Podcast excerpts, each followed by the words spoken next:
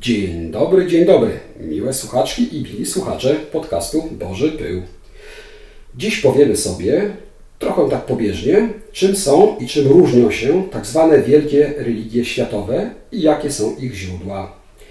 Mówimy tutaj o chrześcijaństwie, o islamie i buddyzmie. Wiem, zaraz ktoś powie, że buddyzm to nie religia, tylko system filozoficzny, ale według encyklopedii jest to i religia, i system filozoficzny zarazem. Ja dla uproszczenia będę mówił religia.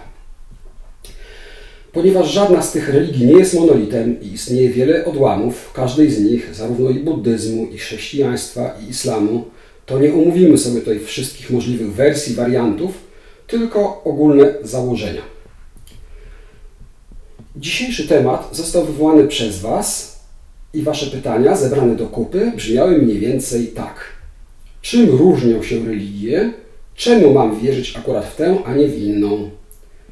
Był jeszcze głos, że wszystkie tak zwane wielkie religie są do siebie podobne i wszystkie są tak samo wiarygodne. No to przyjrzyjmy się tym religiom. Zacznijmy od buddyzmu.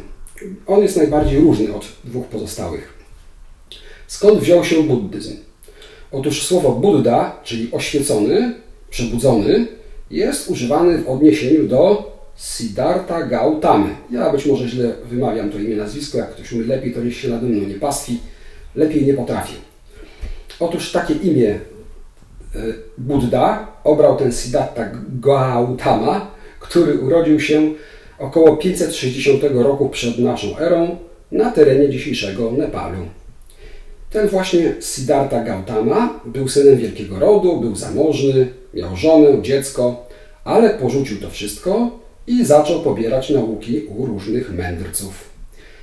Jak sam twierdził, nie znalazł tam tego, czego szukał. Wtedy obrał inną drogę i poddał się ascezie, jak zresztą wraz z nim kilku innych uczniów tych mędrców. Po siedmiu latach tej ascezy, która również nie dała mu odpowiedzi na jego pytania, porzucił ją i postanowił poddać się medytacji. Legenda głosi, że usiadł pod drzewem w pobliżu wioski i tam pozostawał w głębokiej medytacji. Medytował przez 49 dni, w czasie których nawiedzały go różne wątpliwości i te wątpliwości były uosabiane przez bóstwo Marę. On jednak je pokonał i wreszcie w dzień pełni księżyca osiągnął oświecenie. I od tego czasu głosił swoją naukę przez 45 lat.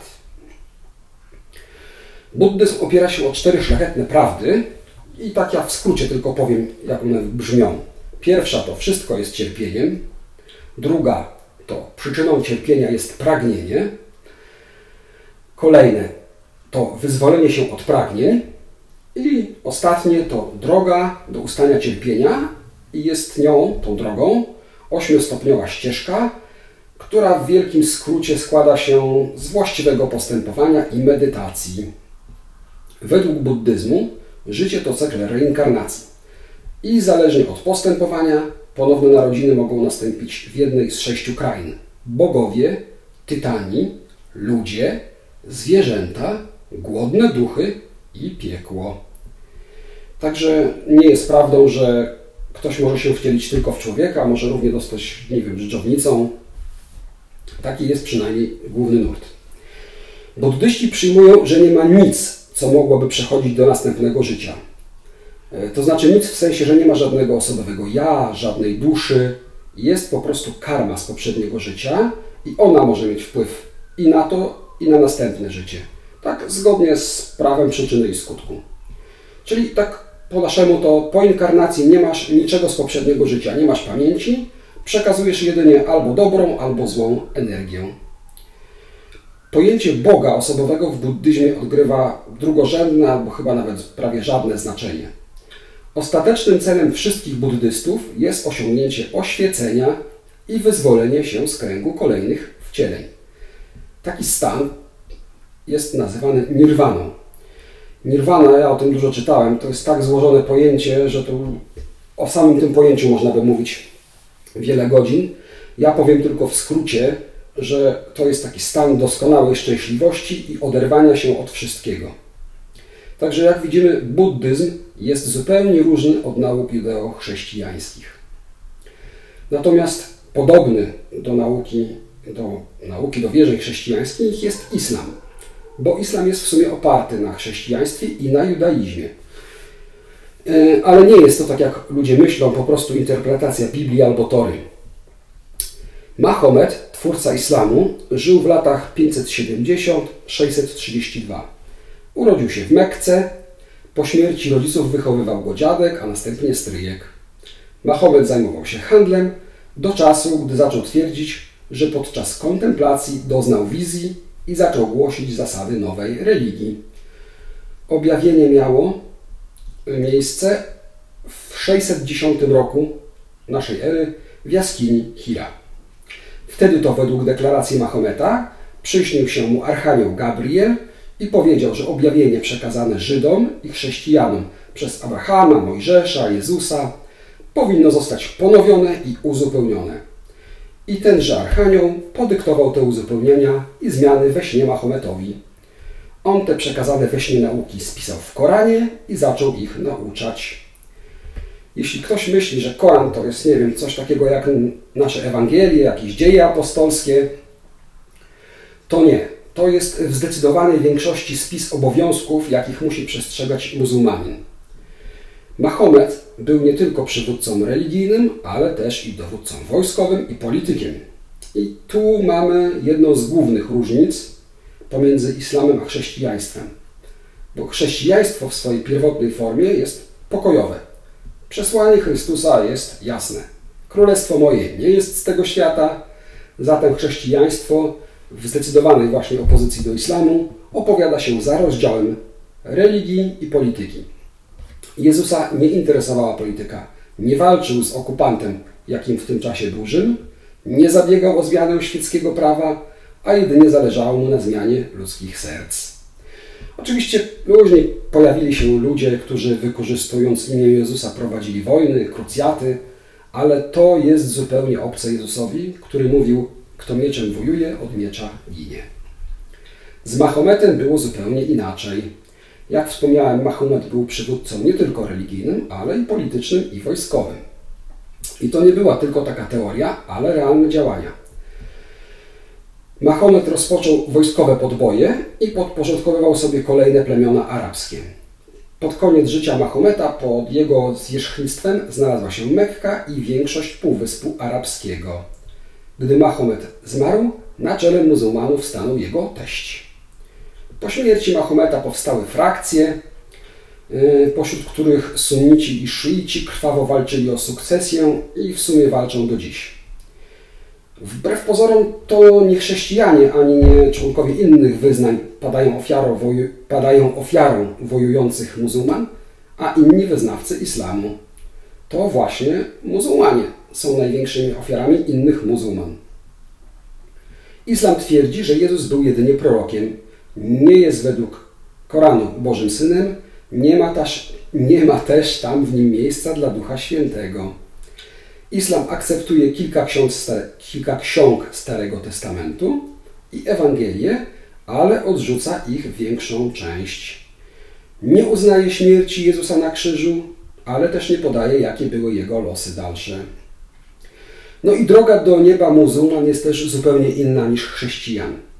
O ile chrześcijanin dostaje się do nieba dzięki łasce, tak, po, dzięki ofierze Jezusa, to muzułmanin trafia tam dzięki posłuszeństwu i ścisłemu wypełnianiu obowiązków. Tych obowiązków jest całe mnóstwo, ale pięć głównych to wypowiedzenie świadectwa wiary. I to świadectwo wiary brzmi tak. Nie ma prawdziwego Boga prócz Allaha, a Mahomet jest jego jedynym prorokiem. I tak na marginesie, jeśli ktoś chce zostać muzułmaninem, to musi tę formułkę wypowiedzieć trzy razy w obecności dwóch muzułman i wtedy raz do końca życia już zostaje sam muzułmaninem. Drugim obowiązkiem głównym to jest modlitwa pięć razy w ciągu dnia. Trzeci to jałmużna. Czwarty to post i to nie tylko taki okazjonalny post, yy, który muszą wszyscy muzułmanie obchodzić podczas święta obchodów Ramadan, ale są też takie specjalne, które są 9 miesiąca w islamskim kalendarzu.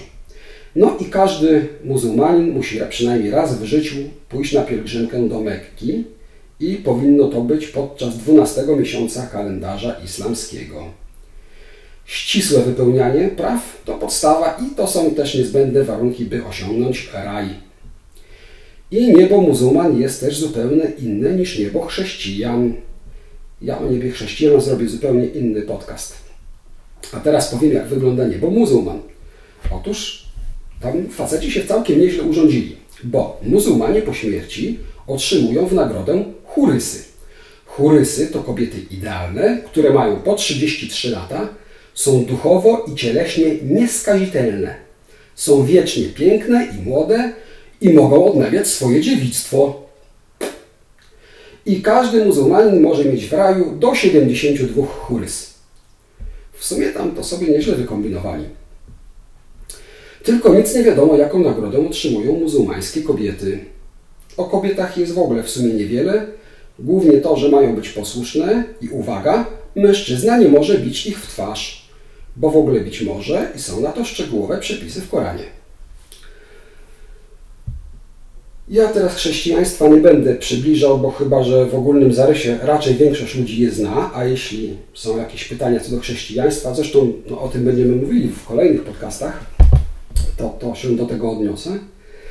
Natomiast ja bym chciał się teraz odnieść, dlaczego ja na przykład wyznaję tę wiarę, a nie inną. E, ja oczywiście Wam nie powiem, jakiego Wy macie dokonać wyboru i w co Wy macie wierzyć. Ja tylko powiem, czemu ja wierzę Jezusowi, a nie wierzę Budździe czy Mahometowi. I nie sądźcie, że to jest dlatego, że mi to, nie wiem, tak serce podpowiedziało, mam takie przeczucie, albo że zostałem tak wychowany. Bo kto mnie zna, ten wie, kto mnie nie zna, ten nie wie. Ale ja po odejściu od Kościoła katolickiego, o czym być może powiem w innym podcaście, bo to łączy się z Waszym pytaniem o Kościół katolicki, rolę księży i tak dalej.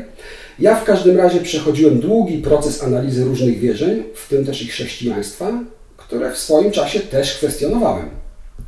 Ja jestem pragmatykiem, jestem osobą, która lubi dowody, tak zwane szkiełko i oko. I ostatecznie do wiary w Chrystusa skłoniły mnie lata badań różnych źródeł, w tym również pozabiblijnych, i zdecydowało, jak to się mówi, przesłanki dowodowe. Jak możecie zauważyć, zarówno buddyzm, jak i islam opierają się na przekazach od pojedynczych ludzi. Jeden oparł się na swoim oświeceniu, a drugi na swoim objawieniu podczas snu. Poza tymi dwoma osobami nie ma żadnych innych źródeł tych religii. Żaden z nich nie był zapowiadany wcześniej przez proroków, żaden nie czynił żadnych cudów, żaden nikogo nie uzdrowił, nie było żadnych znaków. No o tym, że żaden z nich nie zmartwychwstał, to nie wspomnę. Po prostu jedna religia wzięła się z medytacji pojedynczego człowieka, a druga z objawienia podczas snu. Nie ma w źródłach tych religii żadnych innych świadków, żadnych zdarzeń, ponad to, co ci ludzie sami twierdzą. A jak jest z chrześcijaństwem?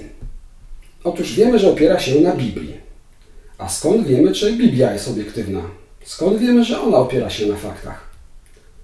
Skąd w ogóle coś wiemy, że coś w przeszłości się wydarzyło? Skąd na przykład wiemy, że w 1410 była bitwa pod Grunwaldem? Wziąłem ten przykład, bo to jest jeden chyba z nielicznych, które pamiętam z historii.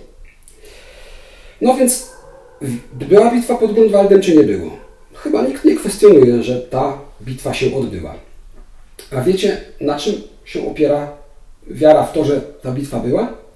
Otóż z tego, co ja wyczytałem, to opisało ją troje ludzi, w tym jeden z nich był naocznym świadkiem. I to wystarczy nam, by uznać ją za historię. Uznajemy za obiektywnie prawdziwe wydarzenia na podstawie trzech opisów, w tym jednego naocznego świadka i nikt nie kwestionuje, że ta bitwa miała miejsce. Jak wspomniałem, chrześcijaństwo opiera się na Biblii.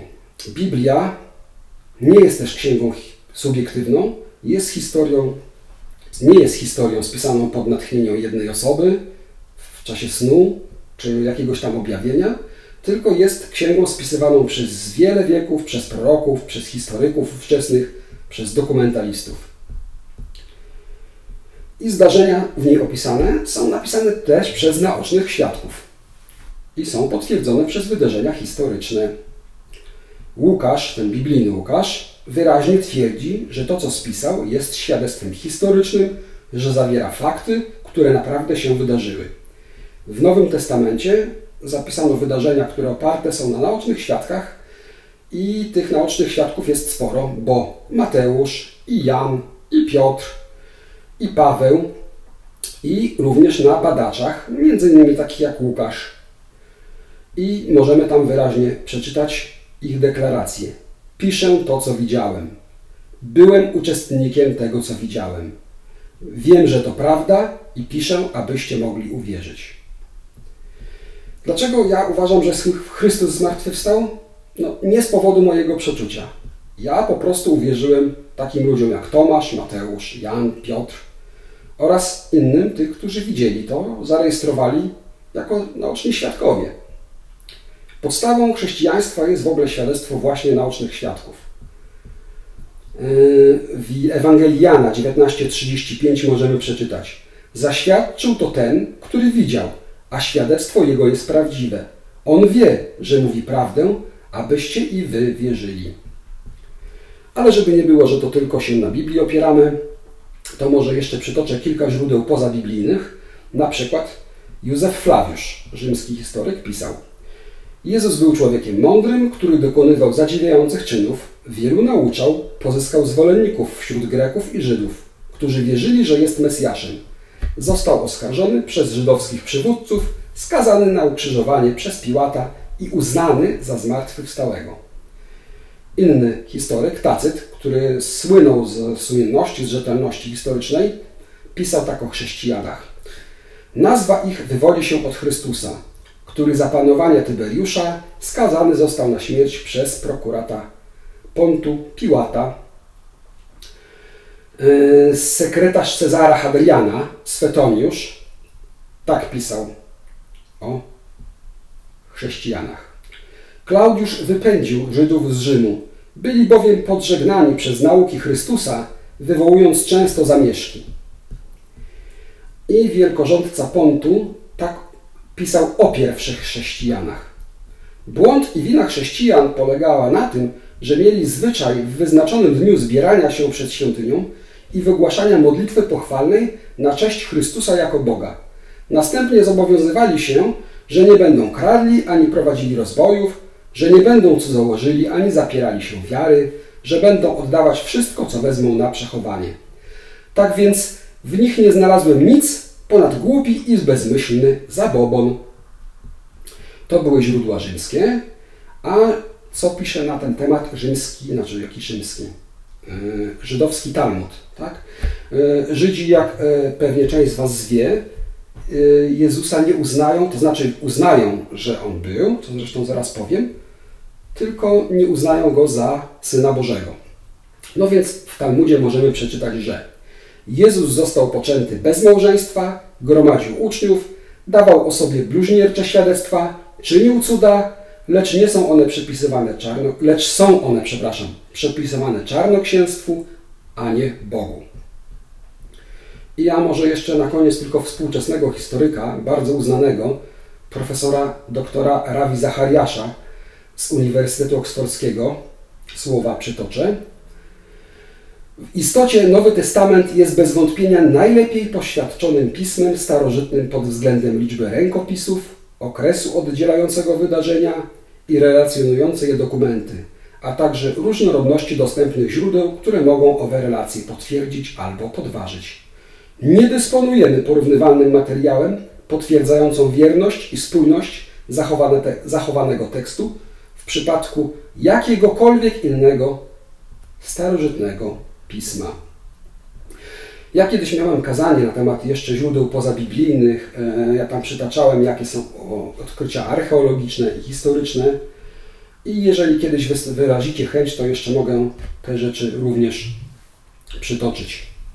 Tak czy inaczej, Biblia jest księgą historyczną i źródłem wiedzy obiektywnej.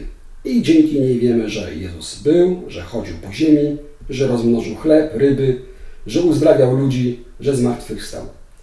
I chrześcijaństwo, przynajmniej moje, nie jest oparte na jakichś tam uczuciach, na jakichś porywach serca, tylko jest oparte na historycznych wydarzeniach opisanych przez naocznych świadków tych wydarzeń. No i ja zresztą jeszcze nadmienię, że ci świadkowie w zdecydowanej większości oddali życie za to, co mówili. Tak? Raczej nie sądzę, żeby zrobili to dla żartu. I to jest ta zasadnicza różnica pomiędzy chrześcijaństwem a buddyzmem i islamem. Buddyzm i islam są oparte na subiektywnych przeżyciach jednej osoby, a chrześcijaństwo to oparta o naocznych świadków historia. Dajcie znać, co o tym myślicie. Jak zawsze proszę Was o komentarze, pytania i podsuwanie tematów. No i oczywiście bardzo Was proszę o subskrybowanie kanału Boże Pył na YouTube, na Spotify, nie wiem, Apple Podcast, Google Podcasts, na wszelkich innych kanałach, o udostępnianie tego, zapraszania ludzi do słuchania do grupy Boże Pył na Facebooku. Mam nadzieję, że to, co powiedziałem, było dla Was interesujące i do usłyszenia w następnym odcinku. Trzymajcie się!